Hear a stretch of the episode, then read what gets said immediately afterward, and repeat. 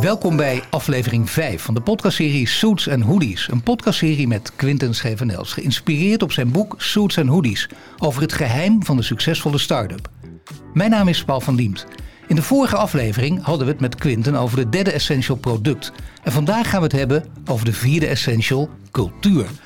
Ja, cultuur. Ja, Quinten, heel mooi natuurlijk. Maar zoals mensen bijna altijd zeggen, het is ook een wat vaag begrip. Dus wat moeten we ermee? Ja. Ja, het kan heel vaag zijn en dat hoort het niet te zijn, zeg maar. Want cultuur is, uh, om, om een succesvolle start-up te bouwen, is cultuur echt een ontzettend belangrijke bouwsteen.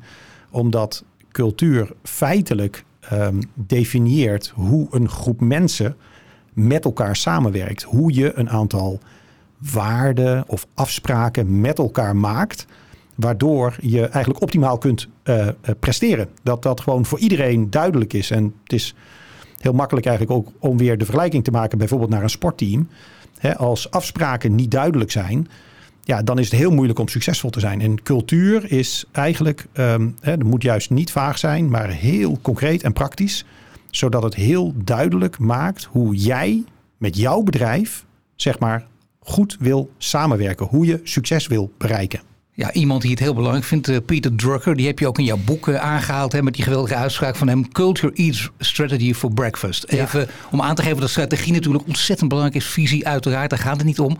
Maar dit is nog belangrijker. Dat onderstreep je ook, dat cultuur dus nog belangrijker is? Of moet je daar gewoon geen hiërarchie in aan willen brengen? Nee, nee ik denk dat je inderdaad daar niet, allebei zijn gewoon ongelooflijk belangrijk. Maar ik denk wat je er wel uit kan halen is dat uh, het zeker niet zo is dat strategie dus belangrijker is dan cultuur. Als je cultuur niet klopt, niet duidelijk is.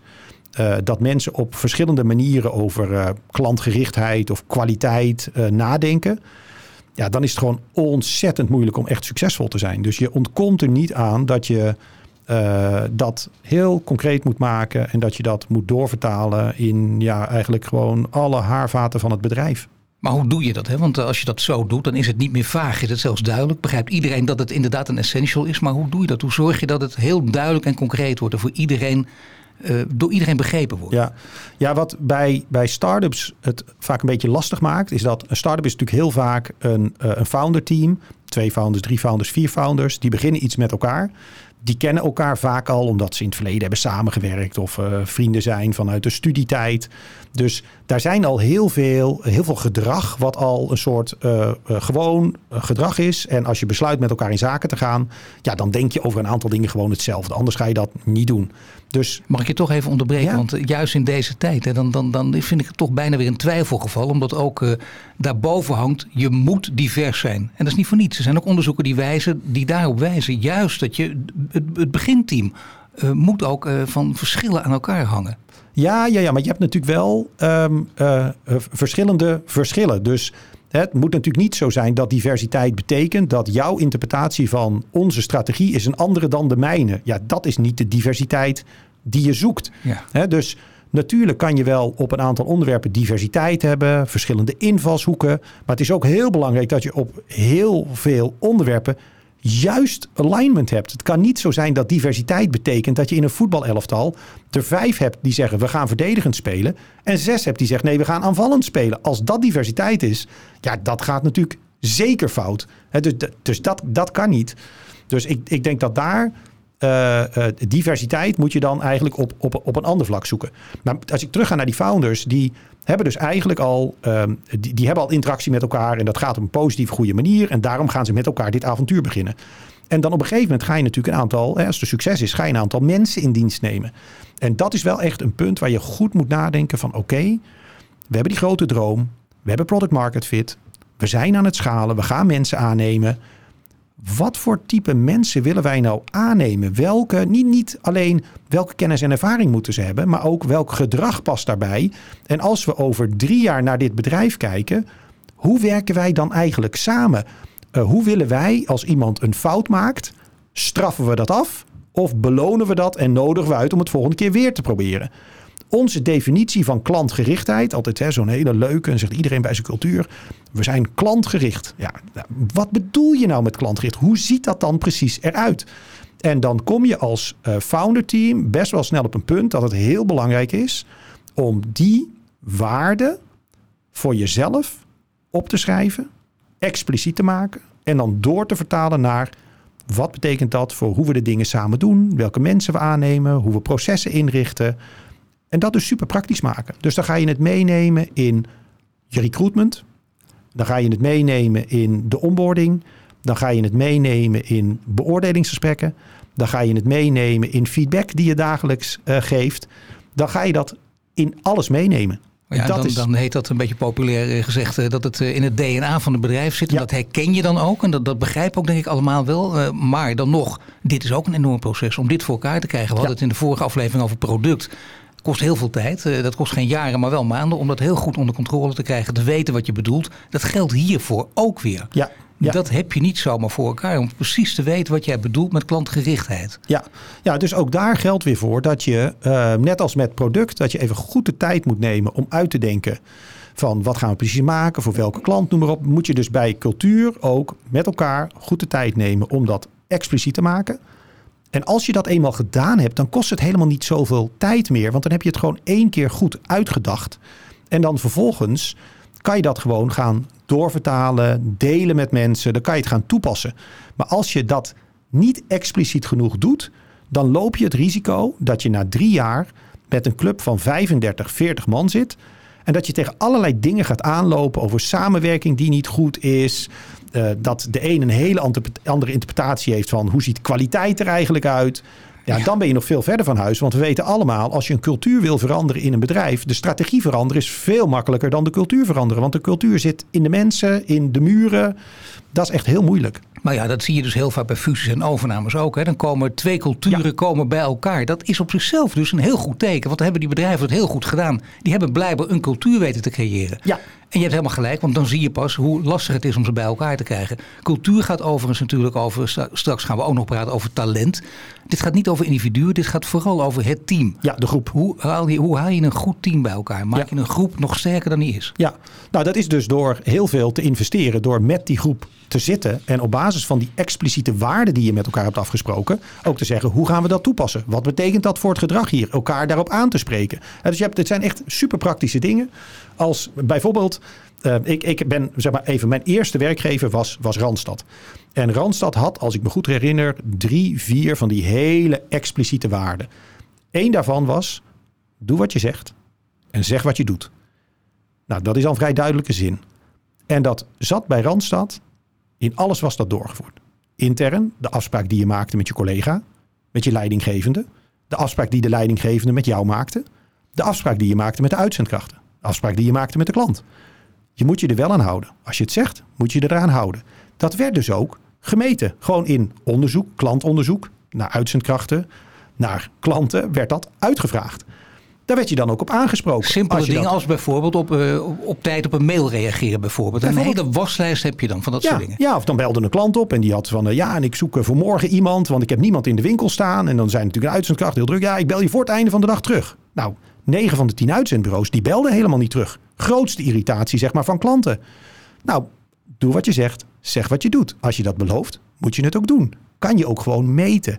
Dus ook in de gesprekken die je had met je leidinggevende, kwam dat ook iedere keer terug. Mocht je je leidinggevende daar ook op aanspreken, wat ga je dan op een gegeven moment krijgen? Dan maak je het zo belangrijk, meer dan alleen maar een postertje aan de muur. Echt belangrijk. En dan wordt dat het DNA in het bedrijf. Want iemand die dat niet doet, die daar moeite mee heeft, bij wiens karakter dat niet goed past en die toch door het recruitment, het selectieproces is gekomen, die gaat dit heel vervelend vinden, want die gaat hier slecht op scoren, die heeft slechte feedbackgesprekken, die verlaat de organisatie dan ook weer. En dat is prima, want als in jouw strategie voor jouw succes, in jouw cultuur dit belangrijk is, dan wil je ook op dat punt geen diversiteit. Dit is een hele duidelijke afspraak. Zo doen we het. Als dat niet bij je past, even goede vrienden. En dan moet je naar de buren gaan. Ja, mooi voorbeeld van Randstad. Want dit kun je inderdaad als een knellend keurslijf ervaren. Dat is ook niet erg. Dan weet je meteen ook waar iemand aan toe is. Dan denk je, nou, als jij dat zo ervaart, dan moet je gewoon weggaan. Ja. Uh, je hebt ook de types die roepen, dit hadden we toch afgesproken. Die worden door een ander weer uitgelachen. Ja, dan degene die zeggen, dit hadden we afgesproken, moet het niet te vaak zeggen. Maar die heeft wel gelijk. Ja, in, dit, in dit geval. In dit geval wel, ja. En degene die dan daar een beetje lacherig om doet. Ja, dat is uiteindelijk degene die dan dus niet bij die cultuur past. En toen ik voor het uh, boek onderzoek deed, zeg maar, naar onder andere dit onderwerp. Hè, dan zou je kunnen denken van, oh, er is voor de succesvolle startups is echt één bepaalde cultuur die je moet hebben en dan ben je succesvol. Dat is eigenlijk helemaal niet zo. Dus er zijn allerlei cultuurrecepten die kunnen werken, maar het moet wel duidelijk, expliciet zijn. En dat betekent dat je een groep mensen hebt die zich ofwel lekker voelen bij die cultuur, of niet. Maar je kan niet, daar kan je niet mee marchanderen. Nee, maar je kunt je er wel lekker bij gaan voelen. Ik weet niet of, of ik nu iets verkeerd zeg, maar ik denk dat het ook met herhaling misschien wel te maken heeft. Want zo'n boodschap, dat, dan zegt, dat hebben Ja. we je toch, hoor je leidinggevende als ja, maar dat hebben we je toch al verteld. Dat, dat wil ik niet of ik wil je er niet mee lastigvallen. Ja. Maar je zou, moet je iemand er juist wel heel vaak mee lastigvallen. Het voortdurend maar herhalen, zodat het echt duidelijk wordt. Het is bijna manipulatie. Nou, je moet het zeker herhalen. En je moet, denk ik ook, wat heel belangrijk is, is uitleggen waarom het zo belangrijk is. Want anders, ja, dan ja, oké, op zich, dit is toch helemaal geen doel op zich. Dit is toch uiteindelijk een, een middel om, nou in het geval van Randstad, gewoon te zorgen dat we op elkaar kunnen vertrouwen. Dat de klant weet waar die aan toe is. Dat we daardoor de beste dienstverlening hebben. Dus dat moet je uitleggen, dat moet je herhalen. Dan moet je ook voor sommige dingen, moet je ook, zeg maar, hè, de ehm, eh, medewerkers eh, eh, tooling geven, training geven. Maar er komt een punt dat iemand dat wel tot zijn natuurlijke gedrag moet maken. En als dat niet gebeurt, dan is de mismatch te groot. En nog een voorbeeld, wij hadden bij Funda, eh, had, had ik het eerder over, de organisatie was eh, heel erg naar binnen gekeerd toen ik daar CEO werd. En dat kwam natuurlijk een beetje door die hele dominante positie in de markt. Eh, kan de klant eigenlijk geen kant op. De makelaar kan geen kant op. Woningzoekenden kunnen geen kant op. Ze moeten gewoon naar Funda. En dan loop je het risico dat je minder bezig bent met hoe kunnen we verder de klant nog verrassen. Dus ook als je ging kijken naar productontwikkeling, was dat heel erg vanuit intern bedacht. Wat ik heel belangrijk vond, is dat we veel meer vanuit de klant gingen denken. Wat zou die nog meer van ons verwachten? Wat kunnen we nog meer leveren? Nou, dat betekende aan de ene kant dat we de organisatie anders gingen inrichten. Maar ook dat we dus data van de klant. Welke eh, stukken van de site gebruikt hij wel, niet? Waar is hij tevreden over? Is hij niet tevreden over? Voor welke informatie gaat hij naar andere platformen? Dat we dat meer gingen gebruiken. Wij hebben toen in de waardeset die we gemaakt hebben, die noemden we de fundamentals. Nou, dat is een beetje spelen met de merknaam. Ja, nou ja, vooruit. Flauw. Ehm, maar één daarvan was dus data drives our decisions. Engels, omdat er veel internationale mensen bij Funda werken. En eh, dat hebben we ook helemaal uitgewerkt van wa- waarom is dat belangrijk en wat bedoelen we ermee? En wat we daar eigenlijk natuurlijk mee wilden bereiken, is dat we meer gingen denken vanuit de data in plaats vanuit de mening van een medewerker of de anekdote. Omdat dat juist belangrijk was in de omslag die we wilden maken, dat we dit heel expliciet als een van die waarden maakten. En dus ook als we iedere maand een all hands hadden voor het hele personeel, dat we ook voorbeelden lieten terugkomen van kijk, hier hebben we een voorbeeld waar we die data hebben gebruikt en waar het hiertoe heeft geleid. Dus dat je ook mensen laat zien hoe je dit op een andere manier kan doen. Dus dat is wat anders dan in een vergadering. Iemand die zegt eh, bijvoorbeeld, eh, nou ja, ik heb eh, goed dat jullie dit zeggen, want ik had het vandaag met mijn kinderen tijdens het ontbijt over en die zeiden. En dat wordt dan voor waarheid aangenomen. Ja, precies. Ja, Ja, dat en hoor je toch vrij vaak. Ja, nou ja, en dat, dan moet je natuurlijk zeggen van oké, nou hartstikke leuk. En hoe, hoe, hoeveel lookalikes zijn er van jouw kinderen? Hè? Is dit? Wat, wat zegt de data eigenlijk? Dus dat je daar een beetje eh, nou, op, een, op een andere manier naar gaat kijken. Krijg je dan niet, eh, dat is het enige wat er misschien wel tegen in te brengen is. Ik begrijp het helemaal, want je wil het DNA gewoon erin brengen en, en, en allemaal dezelfde kant op kijken, waardoor je gewoon ook, ook, ook slagen kunt maken. Maar als ik mijn eigen mediawereld bekijk, dan is daar tegen in te brengen dat je bijvoorbeeld denkt, er lopen op een redactie allemaal dezelfde types rond. En het is juist heel goed dat er ook afwijkende mensen tussen lopen.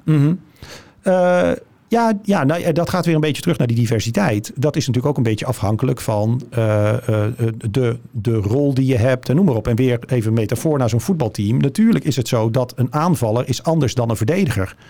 Maar dat wil niet zeggen dat eh, je gewoon de afspraak maakt, bijvoorbeeld in een voetbalteam. Afspraak is afspraak. Hè? Dus je speelt in je positie en daar hebben we afspraken over gemaakt. Maar en de onderliggende basis moet in ieder Ja, geval wel moet- gedeeld ja. worden. Maar daarboven is het juist heel goed om elkaar toch ook kritisch te beloeren en te bekijken. En gewoon scherp te houden. Ja, en vanuit je eigen talent, eh, je, je rol in te vullen en noem maar op. Maar er zijn een aantal basisafspraken die we met elkaar maken, waar iedereen op kan vertrouwen. Dat dit is de manier hoe wij dit bij dit bedrijf doen. Stel nu dat eh, de basisafspraak is, ik noem maar wat, hè, de, bijvoorbeeld. Het is heel belangrijk dat we hier op tijd beginnen. Als wij zeggen we spreken om 9 uur af, dan zijn we er ook om 9 uur. Ja. En dat is bijvoorbeeld een, een, een boodschap die door eh, de CEO voortdurend herhaald wordt. Alleen de CEO zelf houdt zich er niet aan. Ja. Zegt, ja, daar ben ik ook CEO voor. Ik kan doen wat ik wil. Ja, is dat een goede CEO of niet? Nee, killing. Dat is Nee, echt killing. Nee, ja. nee, als je dat echt belangrijk vindt, dan moet je je ook realiseren dat je als CEO of als founder, je bent de oppercultuurdrager. En dat noemen ze dan walk the talk. Dus het kan niet zo zijn dat iets heel belangrijk is en dat jij een soort status aparte hebt. En dat je zegt van oké jongens, hè, als we met elkaar uh, een belangrijk besluit nemen, dan is de afspraak bij ons dat iedereen zich goed heeft voorbereid. En dat betekent bijvoorbeeld, praktisch ding, alle stukken moeten tenminste een dag van tevoren zijn gedeeld. Iedereen kan lezen, kunnen we dan een beslissing nemen. En als je dan de vergadering begint en als CEO of als founder heb jij dat niet gelezen, ja. dat merkt iedereen. Ja, laat maar. Dan, dat, dat kan dus niet. Dus dat is een heel goed voorbeeld. Dat merken heel veel mensen ergens zich ook aan natuurlijk. Van dat is onvoorstelbaar. Ik vind het ook iets onvoorstelbaars. Je begint een vergadering die heel belangrijk is. En de leider in, in de groep heeft de stukken gewoon niet gelezen. Ja, Kijkt er nog even zenuwachtig door van, uh, oh ja, zo, dat, kan, dat kan ik me permitteren. Dat zit toch blijkbaar wel in, in veel leiders ook. Dat is wel een hele mooie manier eigenlijk om ook misschien wel afscheid van ze te moeten nemen. Ja, nou ja, dat is eigenlijk dan, uh, dat is gewoon uh, niet, niet professioneel. En uh, dan gaan andere mensen dat ook doen met hun teams. Die denken dan, dat is blijkbaar hoe het hier werkt. En dat wil niet zeggen dat je dan uh, dat je hopeloos gaat falen. Maar echt heel, heel, heel succesvol ga je daar in mijn ogen niet, niet mee worden. Dat toch, zijn toch wel belangrijke afspraken. Ja, ik zie niet het verschil dan toch ook weer tussen de manager en de CEO. Dat een CEO zich wel degelijk van alles kan permitteren. Dat, uh, dat is die, die mag daar bovenaan zijn. Die mag een, een beetje afwijkend gedrag vertonen. Alleen zo'n manager niet. Want die zegt, dit zijn de regels, houden we ons aan. Die moet het voorbeeld geven. Of vind je de CEO ook? Ik denk er met name ja. ook, hè, dat doe jou bewonderde Elon Musk. Ja, ja. Die natuurlijk Volgens mij, ik, ik volg hem niet elke dag. Maar het lijkt me niet iemand die voortdurend het goede voorbeeld geeft. Uh, nou, ik denk dat hij, nog even los van wat, wat jij en ik het goede voorbeeld uh, vinden. Maar ik denk dat vanuit zijn perspectief dat hij wel degelijk het goede voorbeeld geeft. Hè? Dus dat hij bijvoorbeeld het ongelooflijk belangrijk vindt dat je all in gaat. En bereid bent om alles uit je handen te laten vallen om een succes te maken van dit avontuur. En nou, daar laat hij wel, zeg maar, dan vanuit zijn perspectief het goede voorbeeld zien dat hij natuurlijk bereid is om gewoon ja, alles opzij te zetten voor, voor, voor, voor de missie waar hij, nou ja, in dit geval dan nu hè, recent met Twitter mee bezig is. Uh, nee, ik, ik denk dat hij vanuit zijn perspectief echt wel het goede voorbeeld geeft. Ja, dat is uh, waar natuurlijk. Als hij bijvoorbeeld ook predikt uh, hard werken, heel veel uren instoppen, dan doet hij dat ook. En dan moet je niet ja. de CEO zijn die zegt, nou ja, ik, ik geef leiding vanaf de golfbaan. Ja, nee, dat dus kan dan, ook en dan kunnen mensen geinig vinden, maar ja. dat is gewoon een heel ander type. Ja, en dat is ook de mail die hij natuurlijk een paar weken geleden heeft verstuurd. Hè, waarin hij ook zegt van, je moet harder werken dan je ooit in je leven hebt gedaan. En, en als je daar niet mee instemt, klik hier krijg je je afkoopsom en ben je weg. Nou, dat is wel heel duidelijk zeggen wat je wil. En you're in or out. Ja, of je het ermee eens bent hoe die het doet of niet. Maar dat is wel heel duidelijk. Nee, zeker. En, en je, je kunt ook zo bepleiten. Dat past inderdaad in jouw betoog. Als je zegt ik ben het er niet mee eens. Nou, dan pas je ook niet bij dit bedrijf. Want dat kunnen we allemaal hard vinden. Je kunt ook zeggen het is duidelijk. Ja. En dan is iemand er misschien ook bij gebaat om naar een ander bedrijf uh, te gaan. Precies, ja. Toch ja. is het gek dat dat weinig in de praktijk wordt toegepast. En daar, daar gaat het vaak op mis. De CEO die heel duidelijk is. En die ziet dus ook dat een ander niet mee kan. Of het niet op die manier doet. Ja, die, die heeft dus een heel duidelijk punt om te zeggen: ik neem afscheid van je, ik heb een gesprek met je, kan voor jou ook beter zijn. Ik ken zelfs voorbeelden van mensen die ook glimlachend de deur uitliepen. Ja. Nadat een hoofdredacteur zei: je past hier niet. En je kan beter die en die kant op gaan. Ja. En zo iemand die stuurde dan een mail of een belletje twee jaar later en die zegt: je hebt gelijk gehad. Zo moet het gaan. Hoe komt het, denk jij, dat, dit nog een, echt, echt, dat hier nog een wereld te winnen is? Nou, Dur, durven wij niet hard en duidelijk genoeg te zijn? Nee, ik denk dat dat inderdaad wel. Uh, dus waar gaat dit dan fout? Als je het aan het begin niet heel goed hebt gedefinieerd. En er dan later achter komt van, oh wacht even, maar dit is helemaal niet de bedoeling, zo willen we het niet hebben. Dan moet je eigenlijk dan, zocht met terugwerkende kracht, moet je gaan interveneren. Dan heb je eigenlijk die waarde niet heel expliciet gemaakt. Dan zeggen, ja, dan zeggen mensen, ja, maar waar komt dit nou in één keer vandaan? Waarom is dat zo? En ja, maar er zit toch ook nog iemand anders die doet het ook. Wat doe je daar dan mee? Dus dat maakt het dan gewoon heel erg warrig. Dus ik denk dat je heel veel problemen voorkomt als je heel vroeg als founders al bij elkaar zit. Dat heel expliciet maakt je daar zelf het goede voorbeeld geeft, je daar heel erg aan houdt, dat dus terug laat komen in recruitment, onboarding, nou die, die hele riedel. En dan, uh, dan, dan voorkom je dit. Dan wordt dit ook een veel normaler onderwerp, normaler gesprek. In plaats van dat mensen er toch een beetje verrast door worden van... ja, maar waar komt dit nou eigenlijk vandaan? En jij doet het zelf toch ook helemaal niet? En dan ga je mij erop aanspreken. Ja, dat, dat is denk ik voor mensen heel vervelend en lastig om te begrijpen. En dan, dan krijg je de spanning en conflict door. En een vreselijke klaagcultuur die, die dan ook ontstaat. En die zie je niet alleen bij grote bedrijven, maar inderdaad ook bij start-ups. Waardoor het ook vaak mis kan gaan. Ja. Maar we weten wel, cultuur, eist gedragsverandering hangt nou samen. Heel moeilijk om dat ten goede te keren? En, en als je ziet dat, dat er probleempjes zijn, kun je die altijd het beste oplossen door iemand van buiten erbij te betrekken? Of moet je dat juist niet doen? Zeg je nee, zorg met elkaar. Die founders die moeten dan de koppen bij elkaar uh, ja, ja, ja, dat wel. Dus die, die founders, hè, dit is niet een uh, cultuur kan je niet uitbesteden, maar je kan er wel hulp bij krijgen. Hè? Dus je kan zeker wel uh, gewoon externe partijen die een programma kunnen maken. En noem maar op. Hè. Dat hebben wij bij, bij Funda ook gedaan. Toen we met die fundamentals aan de slag gingen. Daar hebben we ook een programma gemaakt. Hè, hoe, hoe we rond bepaalde onderwerpen ook hele interessante externe sprekers konden uitnodigen. Die dan over die onderwerpen gingen vertellen. Uh, maar het is niet een soort uh, bij project van de afdeling HR. Hè. Dus een, een managementteam, een CEO, een founder team is echt de owner van de cultuur, de uitdrager van de cultuur, de hoofdaannemer. Dus ook degene die de regie moet voeren op hoe je dat dan precies doet. En, en elkaar er ook op, uh, op aanspreken als het misgaat. Zeker, zeker. En het ook, het, het ook meten hoe, dat, uh, hoe die cultuur zich ontwikkelt. Hè. Daar kan je tooling voor gebruiken als medewerkerstevredenheidsonderzoek, waar je specifieke vragen in kan stellen. Maar ook dat je bijvoorbeeld als een bedrijf groter wordt, hè, dat wordt natuurlijk moeilijker. Dan heb je. Ja 300 man in dienst, uh, tien verschillende landen. Uh, dan zie je niet meer iedereen. Maar zorgen dat je dan ook een founder team, een CEO, dat je mensen uitnodigt voor, voor, voor lunches, dat je bij de borrel bent, dat je rondloopt op de vloer, dat je zorgt dat je je kleine interactiemomenten hebt en dan je voelsprieten ook uit hebt staan. Uh, gewoon om, om voeling te houden met wat is er aan de hand met die, met die cultuur. Want het wordt natuurlijk een beetje abstracter, het wordt moeilijker. Het is niet meer zo dat, hè, wat ik bij Funda bijvoorbeeld deed. Aan het einde van het sollicitatieproces had iedere sollicitant altijd een gesprek met mij. En afhankelijk van de functie die je had, kon ik dan ook nog een beetje over de inhoud met je praten. Bijvoorbeeld marketing of product of sales. Maar bijvoorbeeld met engineers, ja, kan ik niet echt over de inhoud praten. Maar eigenlijk het enige waarom ik dat deed, is dat ik aan het einde van het proces gewoon een check wou doen. Is de persoon die we hier aannemen, past die ook bij de manier waarop we willen werken? Dus ik deed zelf als CEO even die cultuurcheck. Om dat gewoon zeker te weten. Dat de rest, talent, wat iemand kan en zo, dat heeft de rest allemaal gedaan. Maar ik vind het belangrijk dat ik die check nog doe. En ook duidelijk maak, nog naar die sollicitant, als je hier komt werken, ben je ervan bewust dat je dit en dit en dit kan verwachten. Dit is de manier hoe wij dat doen. Hoe kijk je daar eigenlijk maar naar? Maar dit doen, dit doen alle grote uh, meneren en mevrouwen. Larry Page bijvoorbeeld, ja. daar, daar gaan deze verhalen ook over rond. Ja. Inderdaad, uh, de, de, eerder genoemde Elon Musk ook. En ja. dan denken mensen vaak dat is niet waar en dat laten ze aan anderen over. Nee. Dan wordt het ook nog vaak genoemd, de, cynisch de mindere goden echt een denkfout, vind je ja, dat? Ja, is echt zo. Nee, de, nee, dus dat is echt, als je daar naar kijkt, nou, precies de voorbeelden die jij geeft. Dat zijn echt uh, ja, de founders geweest die dan, uh, ik geloof bij Elon Musk, de eerste 2000 medewerkers van Tesla, het eindgesprek heeft hij met ieder van hun gevoerd. He, dus die combinatie van hè, de, de essential talent, waar we het in de volgende aflevering over hebben, in combinatie met cultuur en gedrag. Ja, dat is heel bepalend voor het succes van een start-up. Want je gaat toch een beetje, je bent aan het scouten, je gaat je team samenstellen.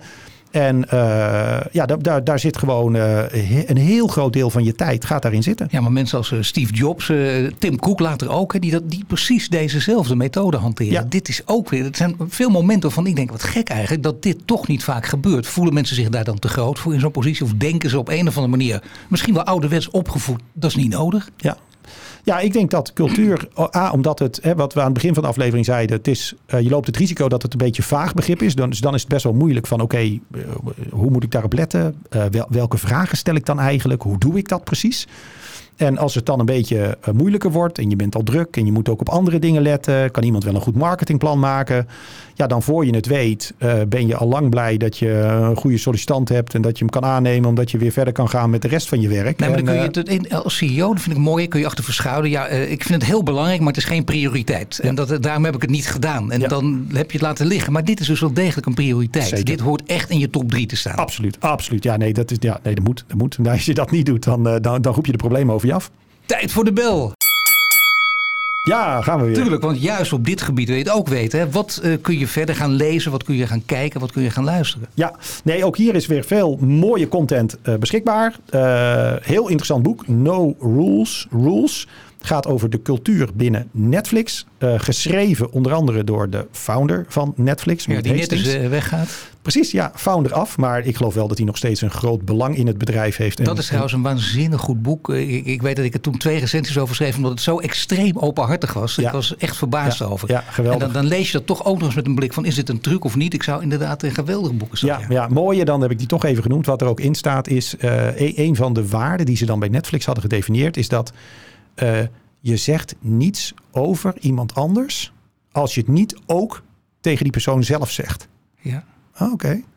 Moet je voorstellen wat dat betekent bij het koffieautomaat in het bedrijf. Eigenlijk zeg je, we roddelen dus niet. Als je kritiek hebt op iemand, moet je het ook tegen die, tegen die persoon zeggen. Nou, dat vind ik een hele mooie. Dat zet er een enorme druk op op de koffieautomaatgesprekken, Zeker. maar het is, het, is, eh, het is heel sterk, ja. Heel sterk. ja. Andere eh, mooie Culture Map van Aaron Meyer. En eh, dat gaat eigenlijk over. En daar, ik denk dat veel startups daarmee te maken hebben. Zeker regio Amsterdam, dus veel expats. En dat gaat er eigenlijk over. Wat betekent het als je uit een andere cultuur komt, andere land, andere religie? eh, ehm, hoe, hoe- hoe je dan bent opgegroeid en wat dat betekent voor de cultuur in je bedrijf. Super interessant boek. Nou ja, dat is een boek wat helemaal past in deze tijd. Dat, dat maakt het juist zo, daar Ja. hebben we het precies over gehad. Dat Ja. maakt het ook gecompliceerd natuurlijk. En dan zie je het verschil tussen, tussen basiswaarde en diversiteit. Ja, en dat het heel goed samengaat. Ja, er staan hele mooie voorbeelden over eh, Nederlanders in, zeg maar. Over hoe, hoe wij zijn en hoe wij dus naar anderen kijken. Nou, en hoe eentje anderen naar ons. eh, nou, wat, wat even- natuurlijk een beetje bekend is, maar de enorme eh, directheid. Dit is echt, wij zijn qua directheid echt off the charts. Ik geloof alleen eh, mensen uit Israël zijn nog directer, maar wij zijn echt. eh, Ja, voor mensen uit India en zo is bij onze directheid is echt is gewoon heel grof en noem maar op. En om je daarvan bewust te zijn, is ook in bijvoorbeeld in een internationale bedrijf hoe je feedback geeft, is het wel heel erg belangrijk dat je dat naar een Nederlandse persoon toch echt wat anders kan doen dan naar iemand uit India bijvoorbeeld. Nou, Nou, dat je in je toon kan differentiëren. En ook weer eh, een voetbalvoorbeeld, want eh, ja, daar houden we er eenmaal allebei van. Dus kunnen we makkelijk doen. In dit Ja. geval toch ook heel vaak als er kritiek op. Marokkaanse spelers kunnen niet tegen kritiek. Nee, hou er gewoon even rekening mee. Ja. Als je trainer bent, dat je de een in, in de groep eh, voor, voor gek zet en daar ook heel goed tegen kan. En de ander niet. Ja. En die- dan kun je dus ervoor kiezen als leider om te zeggen, nou weet je wat, dan doet die, an- die ander doet ook maar mee. Ga je allemaal tegelijk voor gek zetten. Nee, dat doet er niet toe. Je wil gewoon dat mensen beter worden. Ja, dus, daar jij kan je ook zeggen, differentiëren. Ja, zeker. Ja, Ja, en dat- daar, dat- daar is dat boek, heel, dat is echt heel interessant om dat te lezen. Van waar kan je met kleine dingetjes, kan je zorgen dat eh, de boodschap toch goed aankomt. En dat differentiëren kan en mag dus wel. Ik bedoel, dat kan ook eh, kwaad bloed zetten.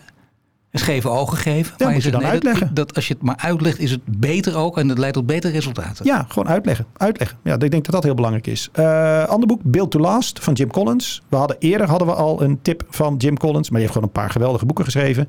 En wat echt de moeite waard is. eh, heel veel van die grote succesvolle techbedrijven die hebben ook ergens op hun website bij About Us hebben ze dan ook staan van eh, hoe werkt het hier bij dit bedrijf? Wat zijn onze waarden? Nou, als je bijvoorbeeld eens gaat kijken bij Google Alphabet, het is gewoon ha- hartstikke grappig hoe ze dat hebben omschreven. Een van hun is bijvoorbeeld eh, uitstekend is niet goed genoeg. Nou, dat is ook zo'n Ja. duidelijke waar je meteen aan kan hangen van oké, wat betekent dat? Hoe doen we dat dan? Eh, noem maar op. Netflix al genoemd, daar staan een paar hele mooie. Nou, gewoon eigenlijk daar een beetje naar gaan googlen en dan zie je gewoon hele, hele leuke voorbeelden. Ja, uitstekend is niet goed genoeg. Doet me toch herinneren aan thuiskomen bij je vader. Je hebt een 9, had een 10 moeten zijn. Ja. Maar nou ja, goed, zit ook een soort mentaliteit. Kan heel goed zijn natuurlijk ook. Oké, dank je Clinton. En dit was aflevering 5 uit de podcastserie Suits and Hoodies. Waarin we het hadden over de essential cultuur. In de volgende aflevering gaan we het hebben over de vijfde essential, namelijk talent. En wil je meer weten, dan kun je Quinten volgen op Twitter of LinkedIn. En heb je of suggesties voor onderwerpen, dan kun je die uiteraard ook daar delen.